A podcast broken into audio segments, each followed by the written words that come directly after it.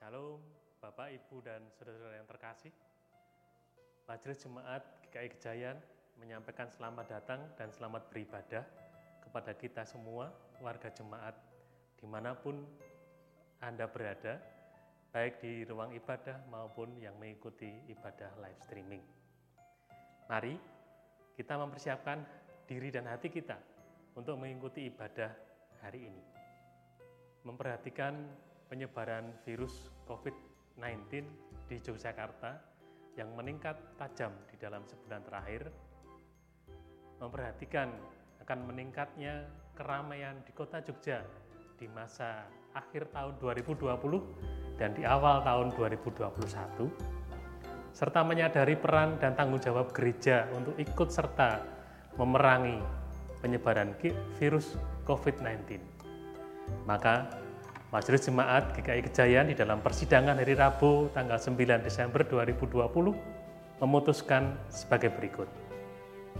Sementara mengurangi jumlah kebaktian tatap muka atau onsite dan mengurangi kegiatan onsite lainnya di area gereja. Kebaktian malam Natal tanggal 24 Desember kebaktian malam tahun baru tanggal 31 Desember, dan kebaktian awal tahun baru tanggal 1 Januari 2021 akan diselenggarakan secara online atau daring sesuai jam yang sudah diwartakan. Kebaktian Natal tanggal 25 Desember 2020 sesuai jam dilayankan secara online pukul 8 pagi. Namun bagi kalangan sendiri diadakan hanya satu kali ibadah tatap muka atau onsite jam 8 pagi di GKI Gejayan. Undangan atau reservasi terbatas ini hanya untuk kalangan sendiri. Mengurangi ibadah onsite di hari Minggu mulai tanggal 20 Desember 2020 sampai dengan 10 Januari 2021 Ibadah onset hanya diadakan satu kali jam 8 pagi di GKI Gejayan dan jam 11 siang di The Grace. Pelayanan kebaktian secara online dan live streaming akan tetap dilayankan seperti biasa. Ibadah Minggu 17 Januari 2021 dan seterusnya masih akan ditinjau kembali dan kita akan memperhatikan perkembangan situasi saat ini. Ibadah intergenerasi dilayankan secara online YouTube setiap hari Sabtu pukul 18, hari Minggu pukul 6 pagi, dan sore pukul 18.30. Ibadah ini dapat menjadi pilihan bagi jemaat yang beribadah di rumah. Majelis Jemaat sangat mengharapkan bantuan, dukungan, dan partisipasi seluruh anggota jemaat dan simpatisan dalam usaha kami bersama memenuhi kebutuhan operasional gereja di masa pandemi ini. Sementara penerimaan gereja makin terbatas, namun kita justru terpanggil meningkatkan kualitas pelayanan bagi kita, jemaat, dan masyarakat sekitar. Mari kita dukung bersama kebutuhan operasional gereja di masa pandemi ini dengan memberikan persembahan secara tunai maupun non-tunai untuk persembahan non-tunai dapat melalui transfer maupun scan barcode QRIS. Nomor rekening dan barcode QRIS dapat dilihat di dalam slide berikut ini.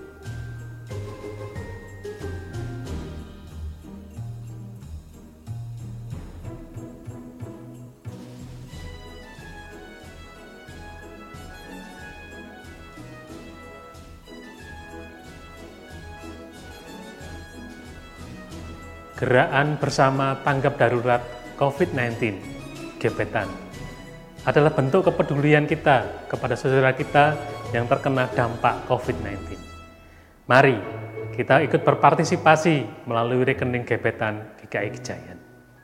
Program Gejayan Petulung untuk memfasilitasi pertumbuhan ekonomi jemaat, memberikan layanan bagi jemaat dan masyarakat yang ingin mengembangkan usahanya juga menjadi sarana informasi bagi mereka yang membutuhkan pekerjaan.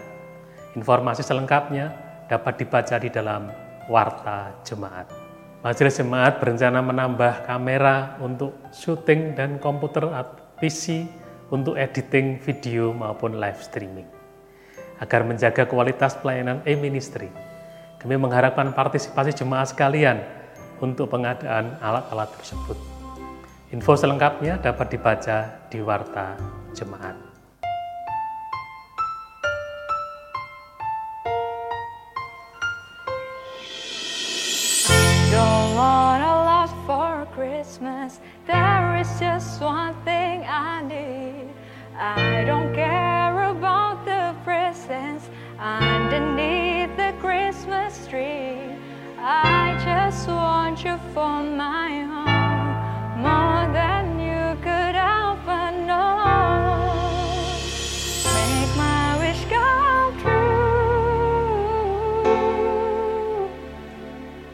semuanya, kami dari Korem GKI Gijayan. Kami ingin mengundang kalian, teman-teman remaja, untuk ikut acara Natalan kami pada tanggal 19 Desember 2020. Oh iya, kita juga punya banyak games menarik loh di IG kami. Cek ya di @koremgki for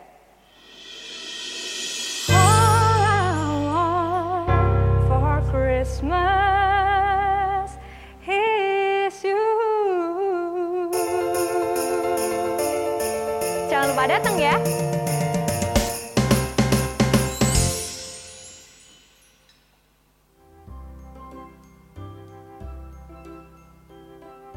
Minggu ini kita memasuki minggu Advent ketiga dengan nuansa etnik Bali.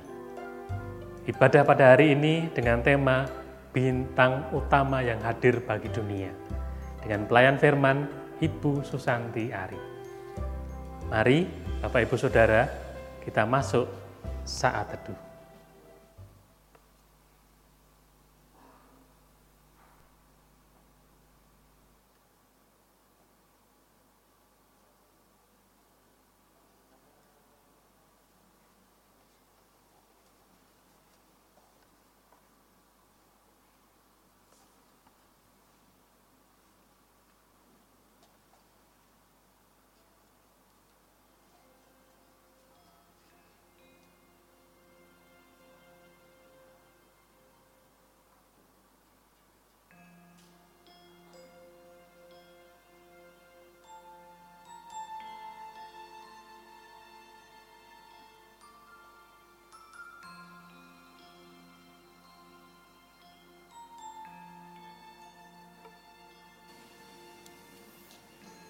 Lilin adalah sukacita. Karena sudah dekatlah kedatangan Tuhan Yesus Kristus. Oleh karena itu, mari sama bersama-sama bergembira menyambut kelahiran Sang Juru Selamat Tuhan kita.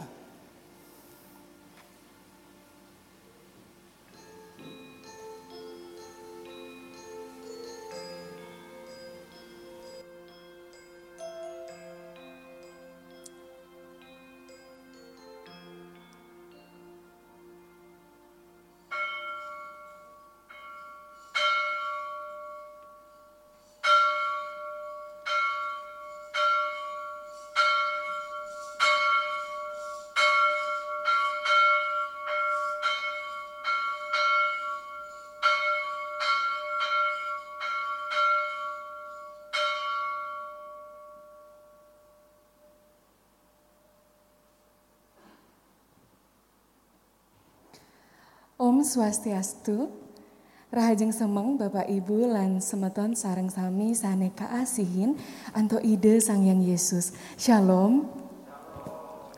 Minggu puniki iraga sampun ngeranjing ring minggu Advent sane kaping 3. Pangubaktine mangke jagi kamar giang antuk suasana etnik Bali. Puji dan syukur tiada henti kita ucapkan karena terlepas dengan ket keterbatasan kita yang ada, kita masih diperbolehkan untuk tiba di tempat ini. Baik jemaat yang berada dalam gedung gereja maupun jemaat Taman Eden dan bahkan juga dengan saudara-saudara di rumah yang menyaksikan live streaming. Kita bisa bersama-sama beribadah, menerima firman-Nya dan memuji serta memuliakan nama Tuhan dengan penuh sukacita. Sebelum kita masuk ke dalam ibadah lebih dalam lagi, mari menyiapkan hati dan pikiran kita dengan keadaan kita, segala yang ada kita bawa dan serahkan kepada Tuhan yang berkuasa penuh atas hidup kita. Mari kita pujikan kuasamu terlebih besar.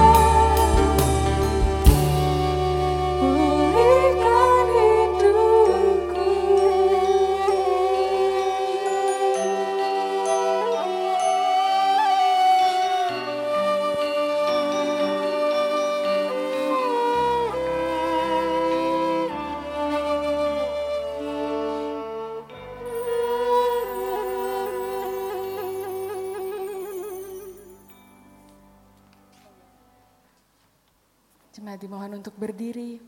Dan dengan penuh sukacita mari kita memulai ibadah kita. Kita pujikan dan muliakan Bapa, Anak, dan Roh Kudus. Muliakan Allah Bapa.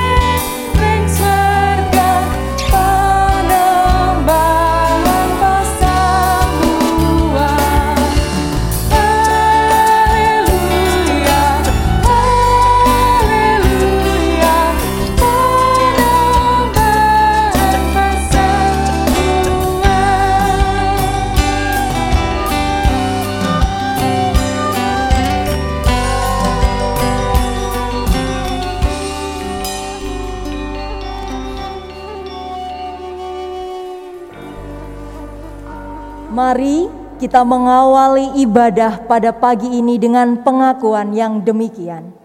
Pertolongan kita adalah di dalam nama Tuhan yang menjadikan langit dan bumi, yang kasih setianya tetap untuk selama-lamanya, yang memelihara umat manusia di tengah pergumulan dan goncangan kehidupan.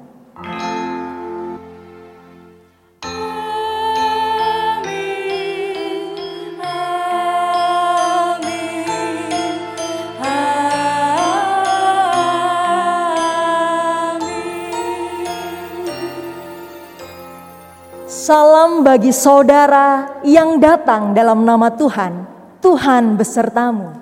Dan besertamu juga. Jemaat dipersilahkan untuk duduk. Saudara, mari kita mengambil waktu hening sejenak. Kita merenung akan dosa dan kesalahan yang kita perbuat. Kita menghadap kehadapan Tuhan dengan kesungguhan hati. Dan mari kita berdoa pengakuan dosa.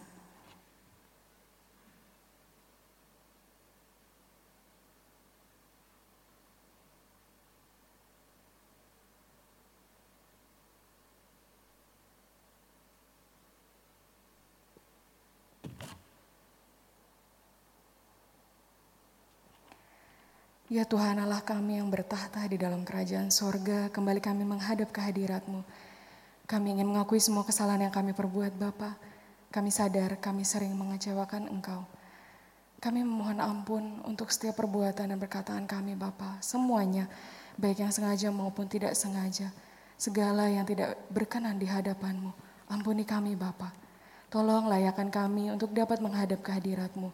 Ajar kami untuk dapat selalu memperbaiki diri dan hidup sesuai dengan perintahmu. Inilah doa kami ya Tuhan, kami mau menyerahkan seluruh hidup kami hanya ke dalam pimpinan tanganmu. Haleluya, amin.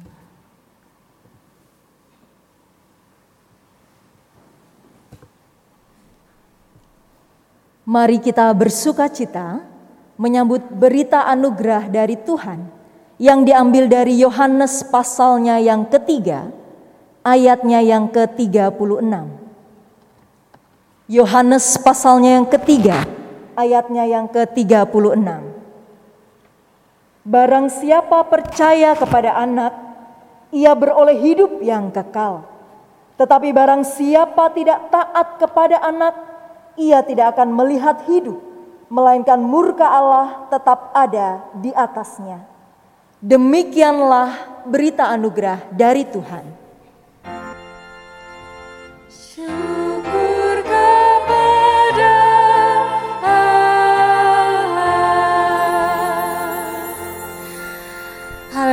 Seperti yang sudah kita dengar dalam berita anugerah, mari kita terus hidup dalam ketaatan kepada Sang Anak. Kita menjadi carang yang berbuah lebat dari Yesus Kristus yang adalah pokok anggur yang sejati. Dadije carang anggur. Enak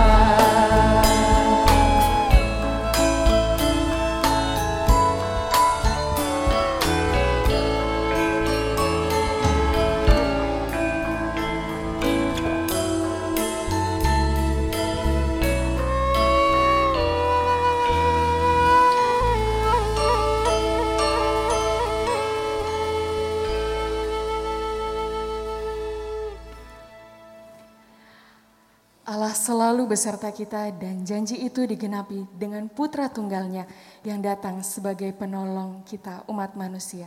Oh datanglah Immanuel.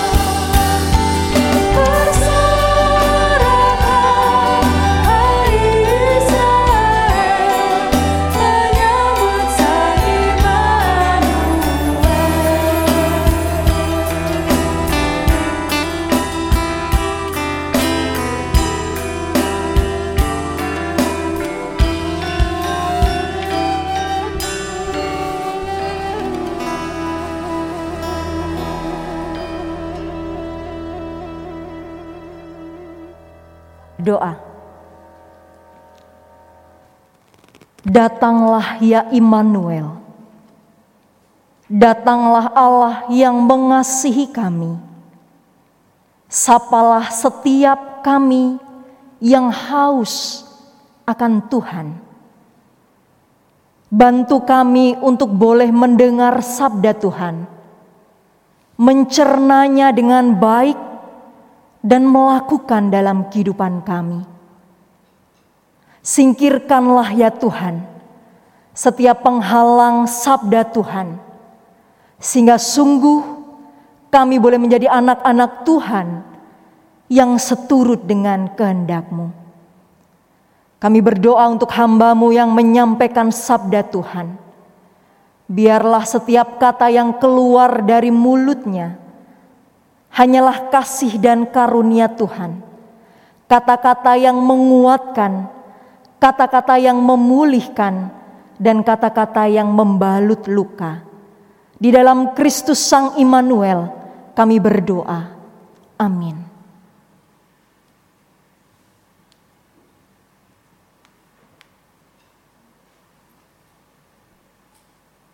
Kitab Yesaya pasal 61 ayat 1 sampai dengan 4. Kitab Yesaya pasal 61 ayat 1 sampai dengan 4 akan saya bacakan dalam bahasa Bali.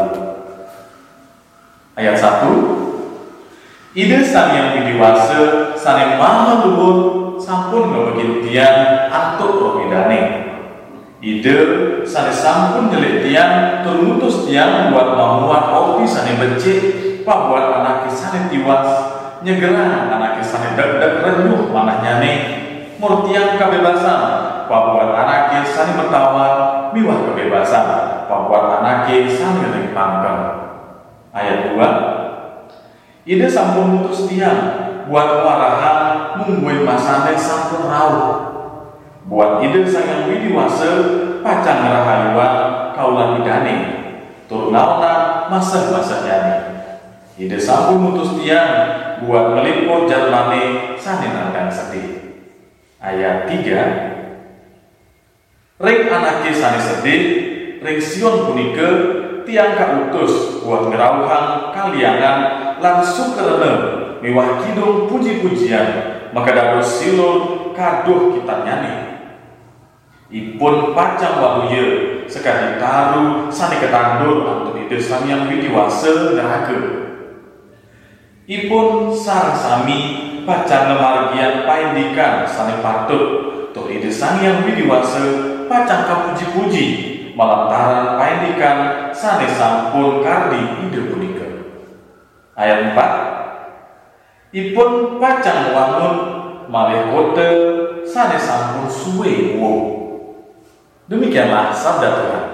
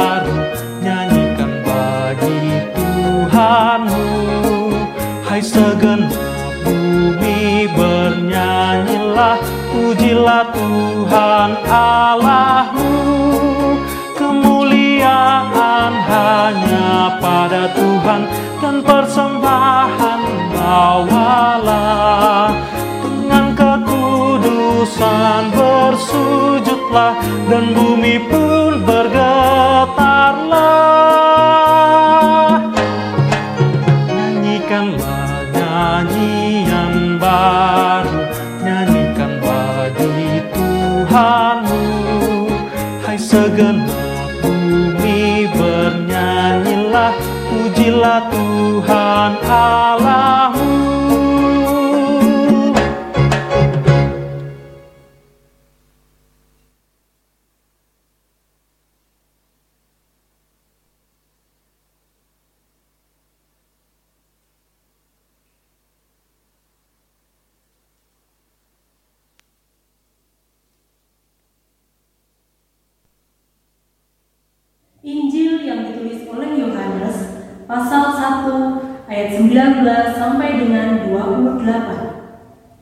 Injil yang ditulis oleh Yohanes pasal 1 ayat 19 sampai dengan 28. Dan inilah kesaksian Yohanes ketika orang Yahudi dari Yerusalem mengutus beberapa imam dan orang-orang Lewi kepadanya untuk menanyakan dia, "Siapakah engkau?" Ia mengaku dan tidak berdusta katanya. Aku bukan Mesias. Lalu mereka bertanya kepadanya. Kalau begitu, siapakah engkau? Elia. Dan dia menjawab, bukan. Engkau kan Nabi yang akan datang? Dan ia menjawab, bukan. Maka kata mereka kepadanya, Siapakah engkau? Sebab kami harus memberi jawab kepada mereka yang mengutus kami. Apakah katamu tentang dirimu sendiri? Jawabnya, Akulah suara orang yang berseru-seru di padang gurun. Luruskanlah jalan Tuhan, seperti yang telah dikatakan Nabi Yesaya. Dan di antara orang-orang yang diutus itu ada beberapa orang Farisi.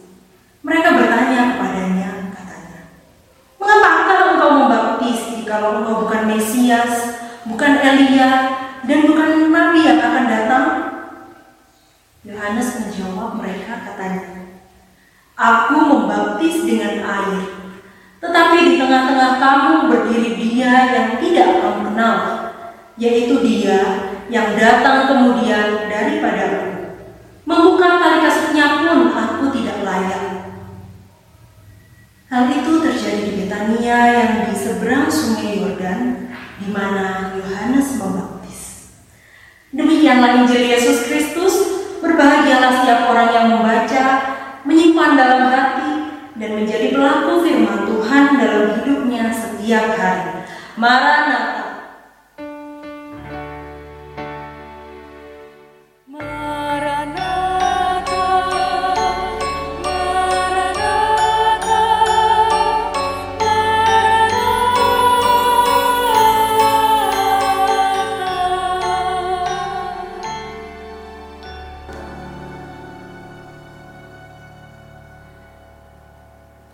Shalom jemaat Tuhan. Apakah ada sukacita hari ini Bapak Ibu jemaat yang hadir di tempat ini? Amin. Hari ini warna liturgi kita pink begitu ya, menyimbolkan persatuan antara warna ungu dengan warna putih. Karena kita menanti kedatangan Tuhan yang sebentar lagi akan datang. Dan ini adalah minggu sukacita. Maka mari sebarkan sukacita dulu Bapak Ibu kanan kiri berikan salam namaste penuh dengan sukacita. Salam juga bagi Bapak Ibu Jemaat Tuhan, saudara-saudara yang terkasih yang mengikuti ibadah dari rumah masing-masing. Bapak Ibu, saudara-saudara dan teman-teman, pada tahun 1996, surat kabar di dunia ini heboh oleh satu gambar seperti ini. Ya. Jadi ada seekor tikus yang punggungnya itu tumbuh telinga yang nampaknya seperti telinga manusia. Itu tahun 1996. Ternyata ini adalah tikus yang direkayasa oleh para ahli, begitu ya. Dan tahun 2016, kalau tadi 96, tahun 2016 ilmuwan sudah berhasil membuat telinga manusia di dalam seekor tikus. Dan ke depan ini bisa digunakan benar-benar oleh manusia yang mungkin mengalami gangguan pendengaran. Kita lihat di tahun 2000 seorang ilmuwan dari Brasil menemukan cara membuat kelinci putih imut lucu berpendar berwarna hijau kalau ada di dalam gelap. Sekarang tahun 2020 kita bahkan bisa pesan mau punya hewan misalnya anjing yang glow in the dark gitu. Bisa tinggal pesan. Kita melihat lagi rekayasa genetika berupa cloning yaitu pembiakan makhluk hidup tanpa uh, perkawinan begitu ya. Jadi di cloning begitu istilahnya di copy paste DNA-nya. Dulu manusia puas hanya mengkloning kambing. Lalu kurang puas, dicobalah primata. Dan sekarang manusia berupaya mengkloning manusia.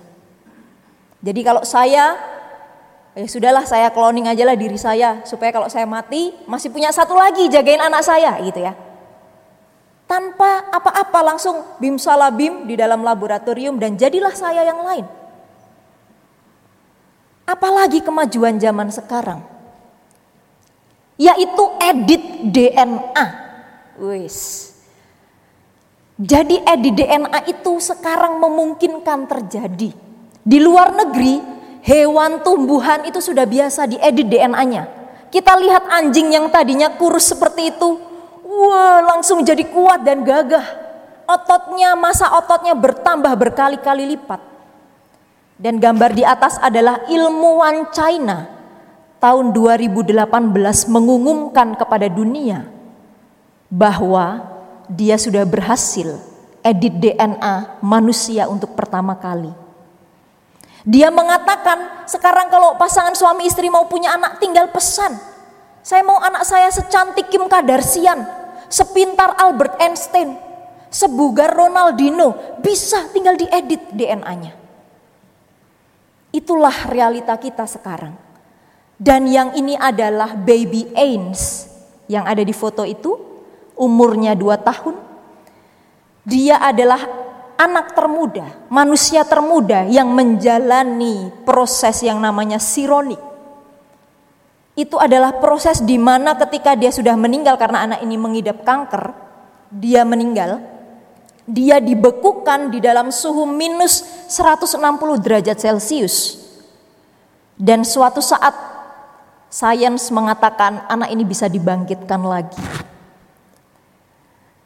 Bapak, Ibu, Saudara dan teman-teman, apa yang barusan kita saksikan itu menunjukkan bahwa kita sebagai manusia selalu ingin menjadi bintang utama. Kita ingin menjadi yang selalu terdepan di panggung paling depan kehidupan ini. Tetapi sayangnya sikap semacam ini itu tidak hanya berhenti di dunia sains, tetapi merambah di dalam dunia yang lain. Dan tidak kalah juga merambah di dalam kehidupan kita beriman. Kita ingin sebagai yang utama, kita ingin yang tampil sebagai bintang utamanya, kita ingin selalu di depan panggung. Contohnya apa itu dalam kehidupan beriman adalah ketika kita tidak mau menerima kehendak Tuhan atas hidup kita. Kita ingin memegang kendali penuh total atas hidup kita. Dan kadang kalau terjadi sesuatu yang tidak kita inginkan, kita bahkan marah dan menggugat Tuhan. Bapak, ibu, saudara yang terkasih, di minggu Advent ketiga ini, minggu sukacita, kita diajak lagi untuk melihat apakah sikap semacam ini dalam hidup beriman itu pantas kita lakukan. Apakah sikap di mana kita itu ingin menjadi yang terdepan, menjadi yang utama, memegang kendali penuh atas kehidupan, apakah itu tepat kita lakukan dalam kehidupan kita beriman? Kita akan belajar dari bacaan kita. Bacaan pertama tadi kita melihat dari Yesaya 61 ayat 1 sampai dengan 4. Menarik dikatakan di Yesaya dia menggunakan kata ia mengutus aku. Artinya di sini Yesaya sadar benar bahwa dia itu sekedar messenger atau pembawa pesan. Yesaya sadar bahwa dia bukan pusat pemberitaannya, tetapi dia membawa berita tentang Yesus yang dia beritakan. Tadi dibacakan dalam bahasa Bali mungkin kita nggak ngerti aduh ngomong apa tadi itu ya. Tetapi intinya di dalam Yesaya dikatakan bahwa Yesus yang akan lahir itu dia akan membawa pemulihan, menyembuhkan yang terluka. Pemulihan akan dibawa oleh Yesus yang dinubuatkan oleh Yesaya. Lalu kita pun belajar dari Yohanes.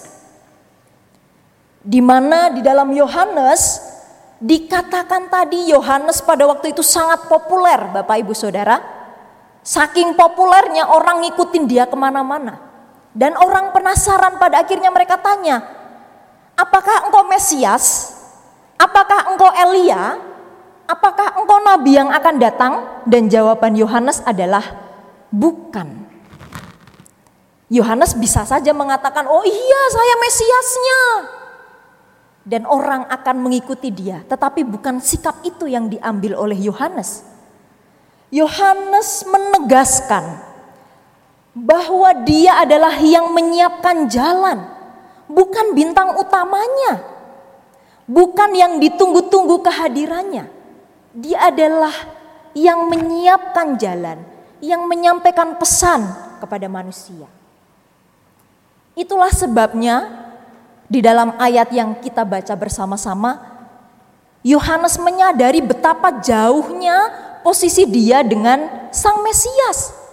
Bahkan membuka tali kasutnya pun dia tidak layak.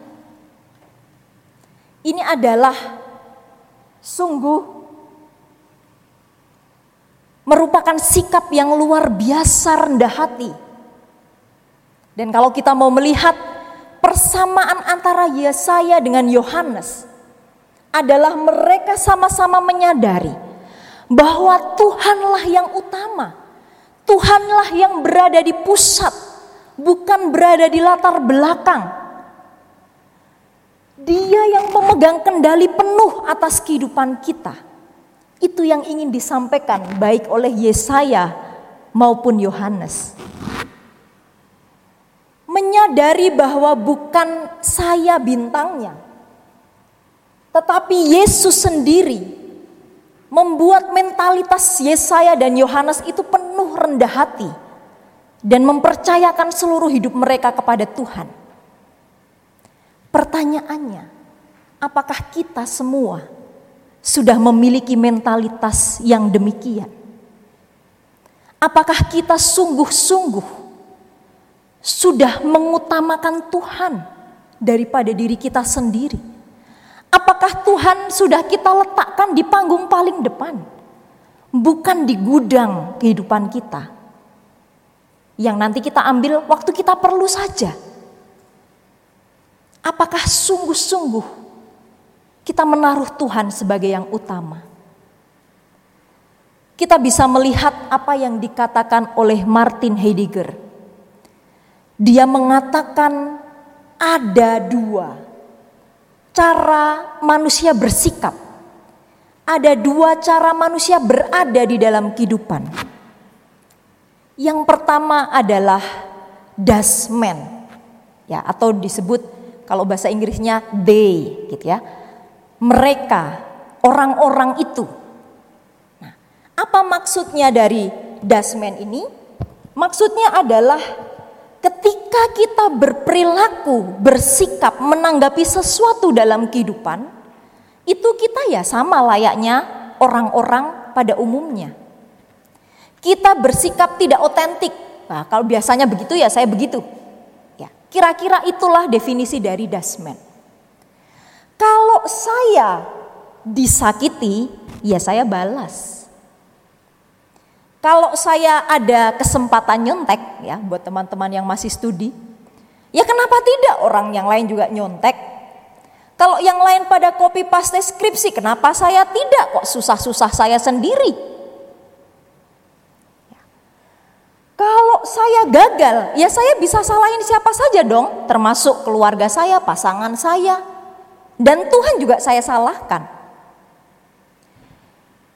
Kalau ada pegawai yang mau dibayar di bawah UMR, lah kok saya repot-repot gaji di atas UMR? Yang dia mau kok, dia nggak mau ya saya cari orang lain. Dan ada satu sikap yang sering kita lakukan sebagai dasmen di dalam kehidupan kita. Kita menanyakan kabar orang lain. Bukan karena kita peduli, tetapi karena kita cuma sekedar kepo. Misalnya kita dengar, eh si itu dia putus loh sama pacarnya gitu ya. Eh keluarga itu bangkrut loh, wih cepet-cepet kita ngechat keluarga itu ya. Kita chat teman kita juga. Tapi landasan kita tanya kabarnya, gimana kabarnya. Bukan karena kita sungguh peduli, tetapi sekedar kepo. Kita nggak mau ketinggalan berita. Itulah dasmen yang masih ada dalam diri kita. Beda dengan dasmen kita diajak untuk lebih mengenal diri secara otentik menjadi dasein. Dasein itu adalah cara bersikap manusia yang otentik, yang murni. Dan ini membutuhkan relasi yang dalam antara kita dengan diri kita sendiri. Kadang kita harus mengambil jarak. Dan kita bisa menentukan sikap yang tepat. Dan untuk menjadi dasen kita juga harus berelasi dengan Tuhan. Karena tidak mudah mengambil sikap sebagai dasen. Di saat yang lainnya di masa pandemi ini santuy-santuy nggak ngerjain tugas gitu ya. Kuliah di kamera off gitu ya, voice off itu sama dengan bolos begitu. Nggak pernah ngikutin kuliah, tugas copy paste. Seorang yang mengambil sikap dosen akan tetap sungguh-sungguh walaupun dosen nggak lihat dia. Dia akan punya integritas di dalam dirinya. Seorang yang dasen mengalami kebangkrutan karena COVID ini, dia mengatakan, "Memang mudah untuk memecat karyawan saya, karena usaha saya sudah susah sekali, tetapi saya tidak mau melakukan itu. Saya ingin cari cara." Maka dia tadinya usaha yang di mall besar, dia turun ke jalan-jalan. Dia turun ke minimarket-minimarket supaya dia tetap menyelamatkan karyawannya. Bapak Ibu Saudara, itu yang diajak oleh Heidegger untuk kita renungkan bersama. Maka konsep dasein ini sesuai dengan apa yang diajarkan oleh Yesaya dan juga Yohanes. Bagaimana kita menyadari bahwa dalam hidup pusatnya itu bukan kita. Kalau pusatnya kita, kita pelayanan, Cari popularitas, cari kepuasan diri sendiri.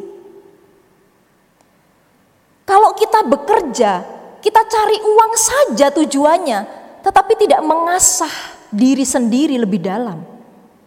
Kalau kita kuliah ya asal kuliah. Orang tua saya nyuruh masuk ke hukum ya saya masuk walaupun saya nggak suka hukum sama sekali. Kita belum menempatkan Tuhan di pusat hidup kita. kita diajak menempatkan Tuhan di pusat hidup kita. Dan yang kedua, kita diajak menyadari kalau bukan kita pusat hidup ini, maka wajar kalau dalam kehidupan apa yang terjadi itu tidak sesuai dengan apa yang kita kehendaki, apa yang kita ingini.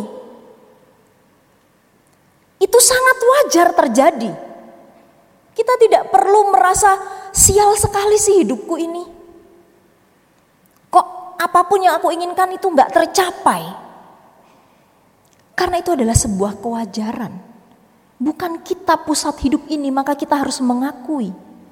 Bisa jadi kita mengalami sesuatu yang tidak sesuai dengan keinginan kita.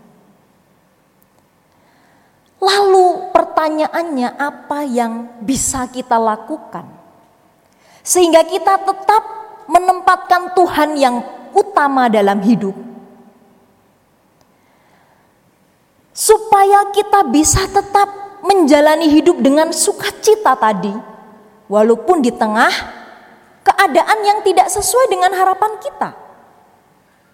Yang pertama, kita diajak untuk memohon penyertaan dan kehadiran Tuhan dalam kehidupan. Kehidupan ini menyadari bahwa kita itu rapuh. Realita yang harus kita hadapi itu demikian. Nampaknya segala sesuatu akan baik-baik saja, tetapi ternyata tidak. Kita bisa saja disakiti. Weh, baru senang-senang punya pacar, ditikung sama sahabatnya sendiri. Kita tidak tahu siapa yang akan menyakiti kita. Kita bisa saja gagal, baru mulai usaha, eh ada COVID. Baru mulai berkeluarga, eh banyak pertengkaran. Baru mulai bekerja, dibenci sama atasan. Itulah yang terjadi dalam kehidupan. Kita harus memohon pertolongan Tuhan, kehadiran dalam hidup kita karena kita sungguh menyadari kita itu sewaktu-waktu bisa celaka, bisa binasa. Maka apa yang sederhana yang bisa kita lakukan untuk menolong memohon pertolongan Tuhan yaitu gunakan menit-menit pertama dalam hari-hari kita untuk berdoa kepada Tuhan. Itu adalah hal yang sederhana, tetapi itu sangat membantu kita. Bangun tidur jangan langsung gini-gini ya tangannya ya masih merem matanya, tangannya udah cari HP. Yang penting lihat notifikasi dulu. Itu menit-menit pertama dalam hari-hari kita. Kalau enggak, bangun-bangun menit pertama sudah ingat kalau kita terlambat. Atau bangun-bangun yang diingat, wah habis ini, ini, ini, ini. Gunakanlah menit-menit pertama dalam hari kita untuk datang kepada Tuhan. Dan itu menjadikan kita kuat menghadapi setiap hari bersama dengan Tuhan. Bapak Ibu Saudara, hari ini kita beribadah dalam balutan etnik Bali. Siapa yang menyangka kalau Bali jadi sesepi itu? Yang tadinya banyak turis, tinggal anjing itu pun cuma satu. Sepi sekali. Kemudian di atas saya mengambil capture dari salah satu proyek yang digarap oleh Alfi, kalau Bapak Ibu tahu ya. Dan di proyek itu dia prihatin atas keadaan Bali dan di situ yang saya capture adalah seorang ibu-ibu yang biasa berjualan kecil-kecilan di sana dan dia bilang untuk mencukupi kebutuhan sehari-hari pun sekarang sudah sulit. Buat makan saja sekarang sudah sulit. Siapa yang mengira Bali akan seperti itu? Ini betapa menunjukkan rapuhnya kehidupan kita. Kita rapuh. Kita lalu sadar tersibak realita. Sewaktu-waktu kita bisa celaka tanpa Tuhan menolong kita, tanpa kita memohon bimbingan Tuhan, kita tidak akan mampu menjalani hidup kita. Yang kedua, kita mau melakukan bahwa kita harus menghadapi hidup ini suka dukanya dengan berani dan tanggung jawab. Bukan malah tahu ada kesulitan kita jadi pengecut. Kita melarikan diri. Tidak. Tetapi kesulitan itu kita hadapi, kita selesaikan dengan berani dan tanggung jawab. Akhir-akhir ini kita mendengar banyak sekali keluarga yang bertengkar karena COVID ini membuat perekonomian mereka turun. Kalau kita mau menempatkan Tuhan sebagai yang utama, ngapain kita malah berantem sama pasangan? Ngapain kita malah minta cerai? Hadapi, cari cara lain yang kreatif supaya keluarga kita bisa tetap hidup di masa sulit ini.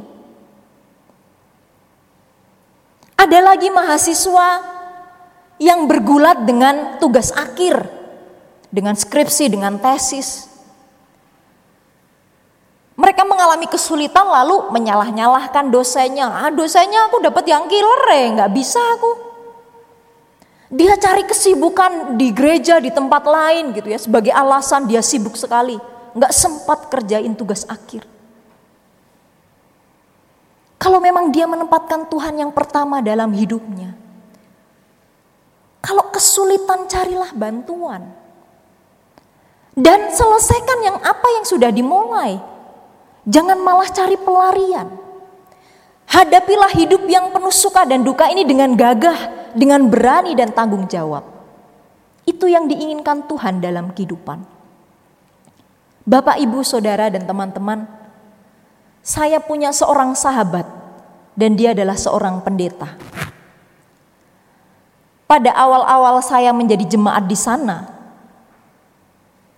teman saya ini dan istrinya harus bolak-balik ke rumah sakit karena apa?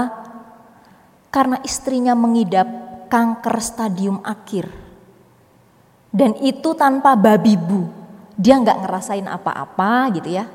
Tiba-tiba muntah darah. Lalu setelah dicek di rumah sakit, diagnosanya adalah kanker stadium akhir.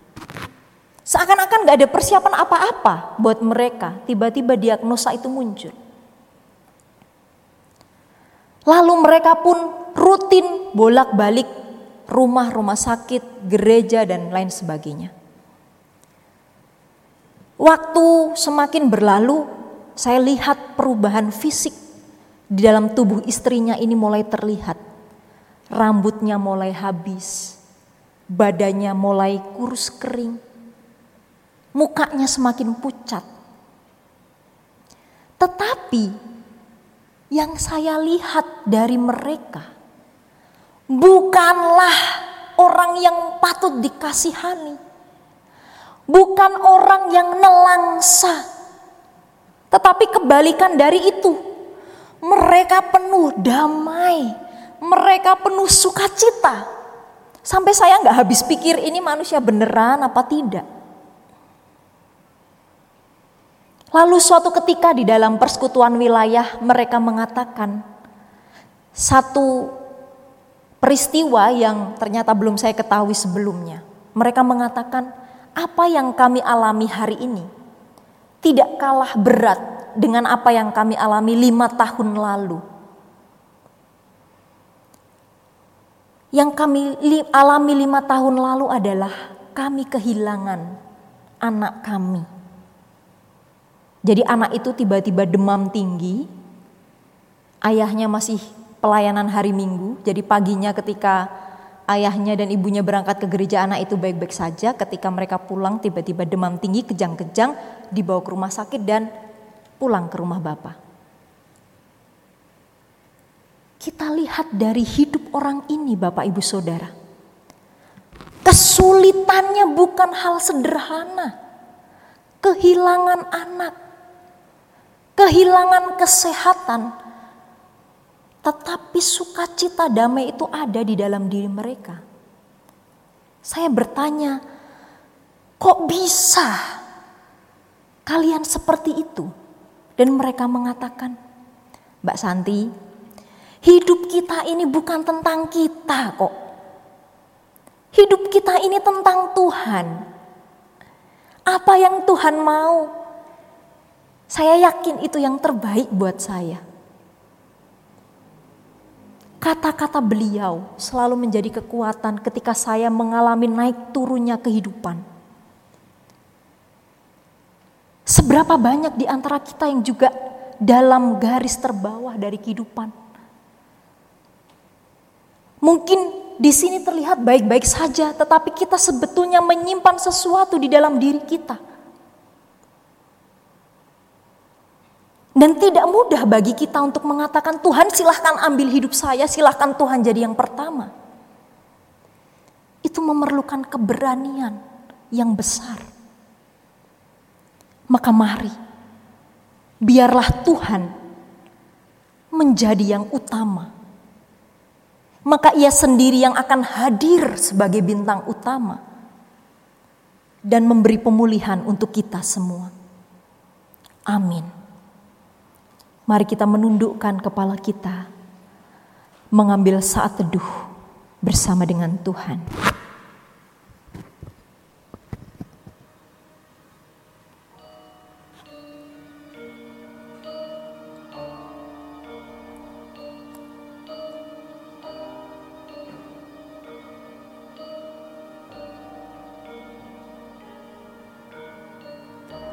Tuhan Sang Maha Rahim. Tuhan yang mengenal kami bahkan ketika kami masih di dalam kandungan.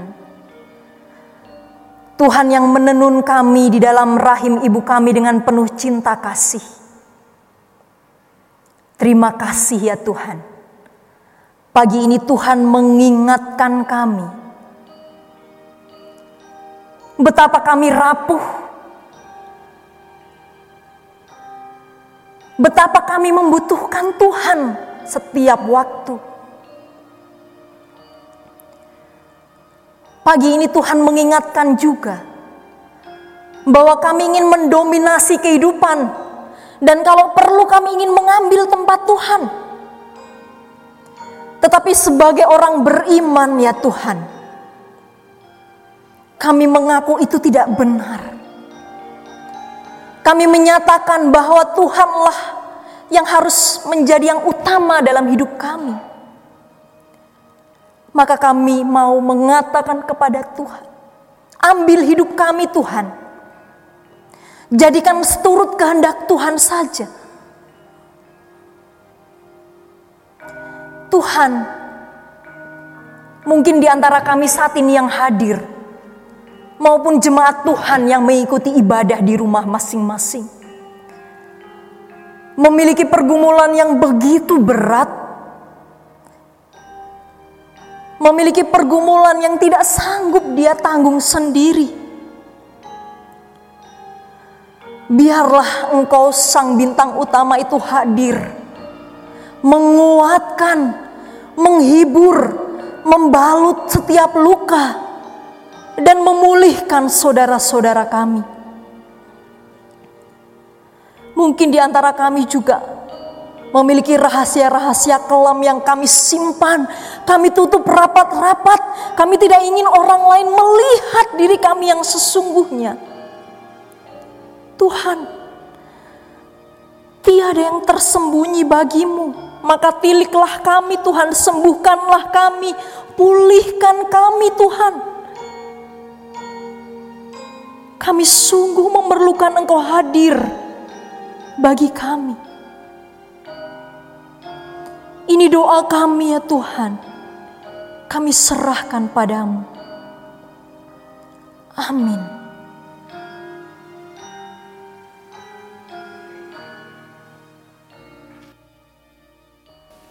Mari Bapak Ibu.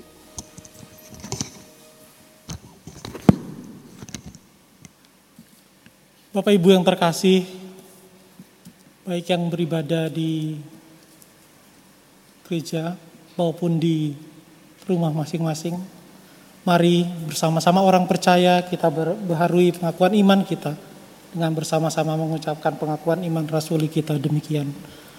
Aku percaya kepada Allah, Bapa yang Maha Kuasa, Khalid langit dan bumi, dan kepada Yesus Kristus anaknya yang tunggal Tuhan kita, yang dikandung dari Roh Kudus, lahir dari anak darah Maria, yang menderita sengsara di bawah pemerintahan Pontius Pilatus, disalibkan, mati dan dikuburkan, turun ke dalam kerajaan maut. Pada hari yang ketiga, bangkit pula dari antara orang mati, naik ke surga, duduk di sebelah kanan Allah, Bapa yang Maha Kuasa, dan dari sana ia akan datang untuk menghakimi orang yang hidup dan yang mati.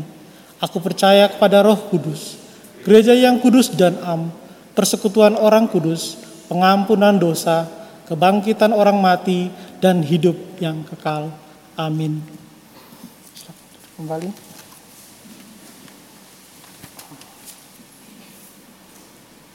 Umat yang dikasihi Tuhan, kiranya hidup dan mata uang yang telah kita kumpulkan menjadi persembahan yang kudus dan berkenan di hadapan Tuhan. Mari kita ucapkan bersama-sama firman Tuhan yang terambil dari 1 Tesalonika pasalnya yang kelima ayatnya yang ke-18. Mari kita baca bersama-sama. Mengucap syukurlah dalam segala hal Sebab itulah yang dikehendaki Allah di dalam Kristus Yesus bagi kamu.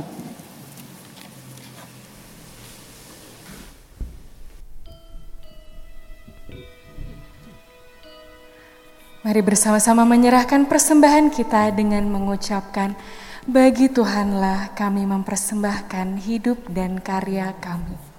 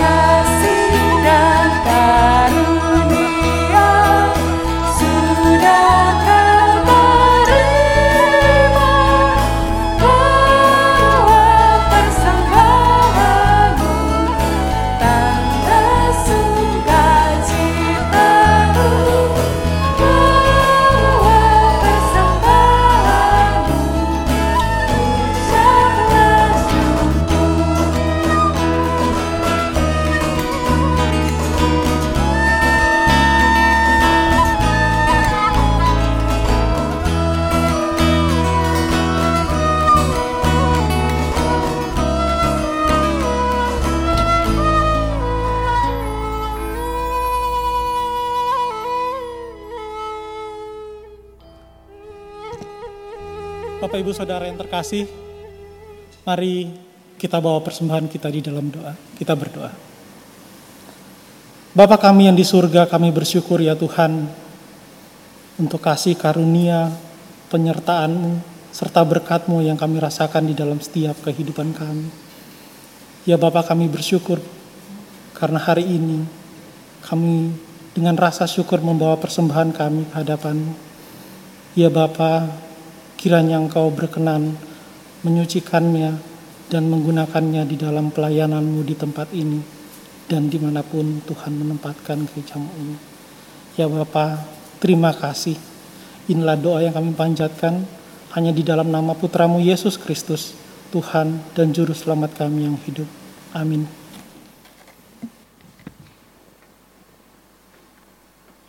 Kita sudah sampai di akhir ibadah kita dan kita pun juga telah menerima sabda Tuhan yang pastinya akan selalu menjadi teladan dalam menjalankan hidup kita ke depannya. Di setiap saat saudara, di setiap langkah kita, mari berserah penuh padanya, berpegang terus pada tuntunan tangannya di saat tenang maupun di saat topan. Percayalah Tuhan membimbing kita. Tenanglah kini hatiku kita bersiap menerima berkat Tuhan.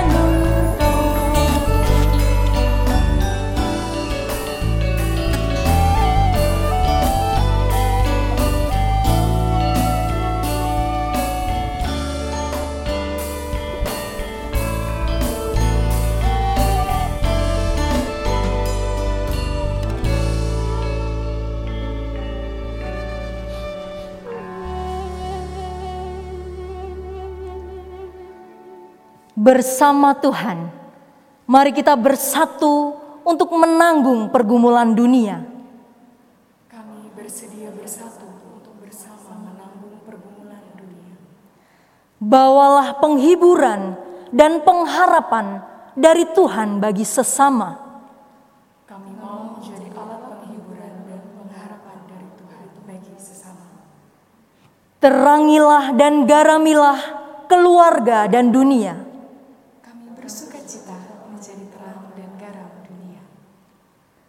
Kini terimalah berkat Tuhan yang menguatkan saudara.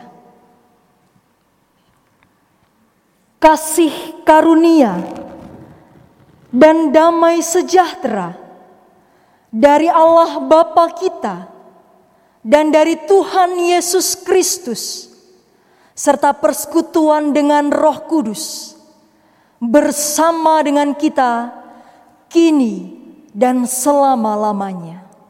Amin.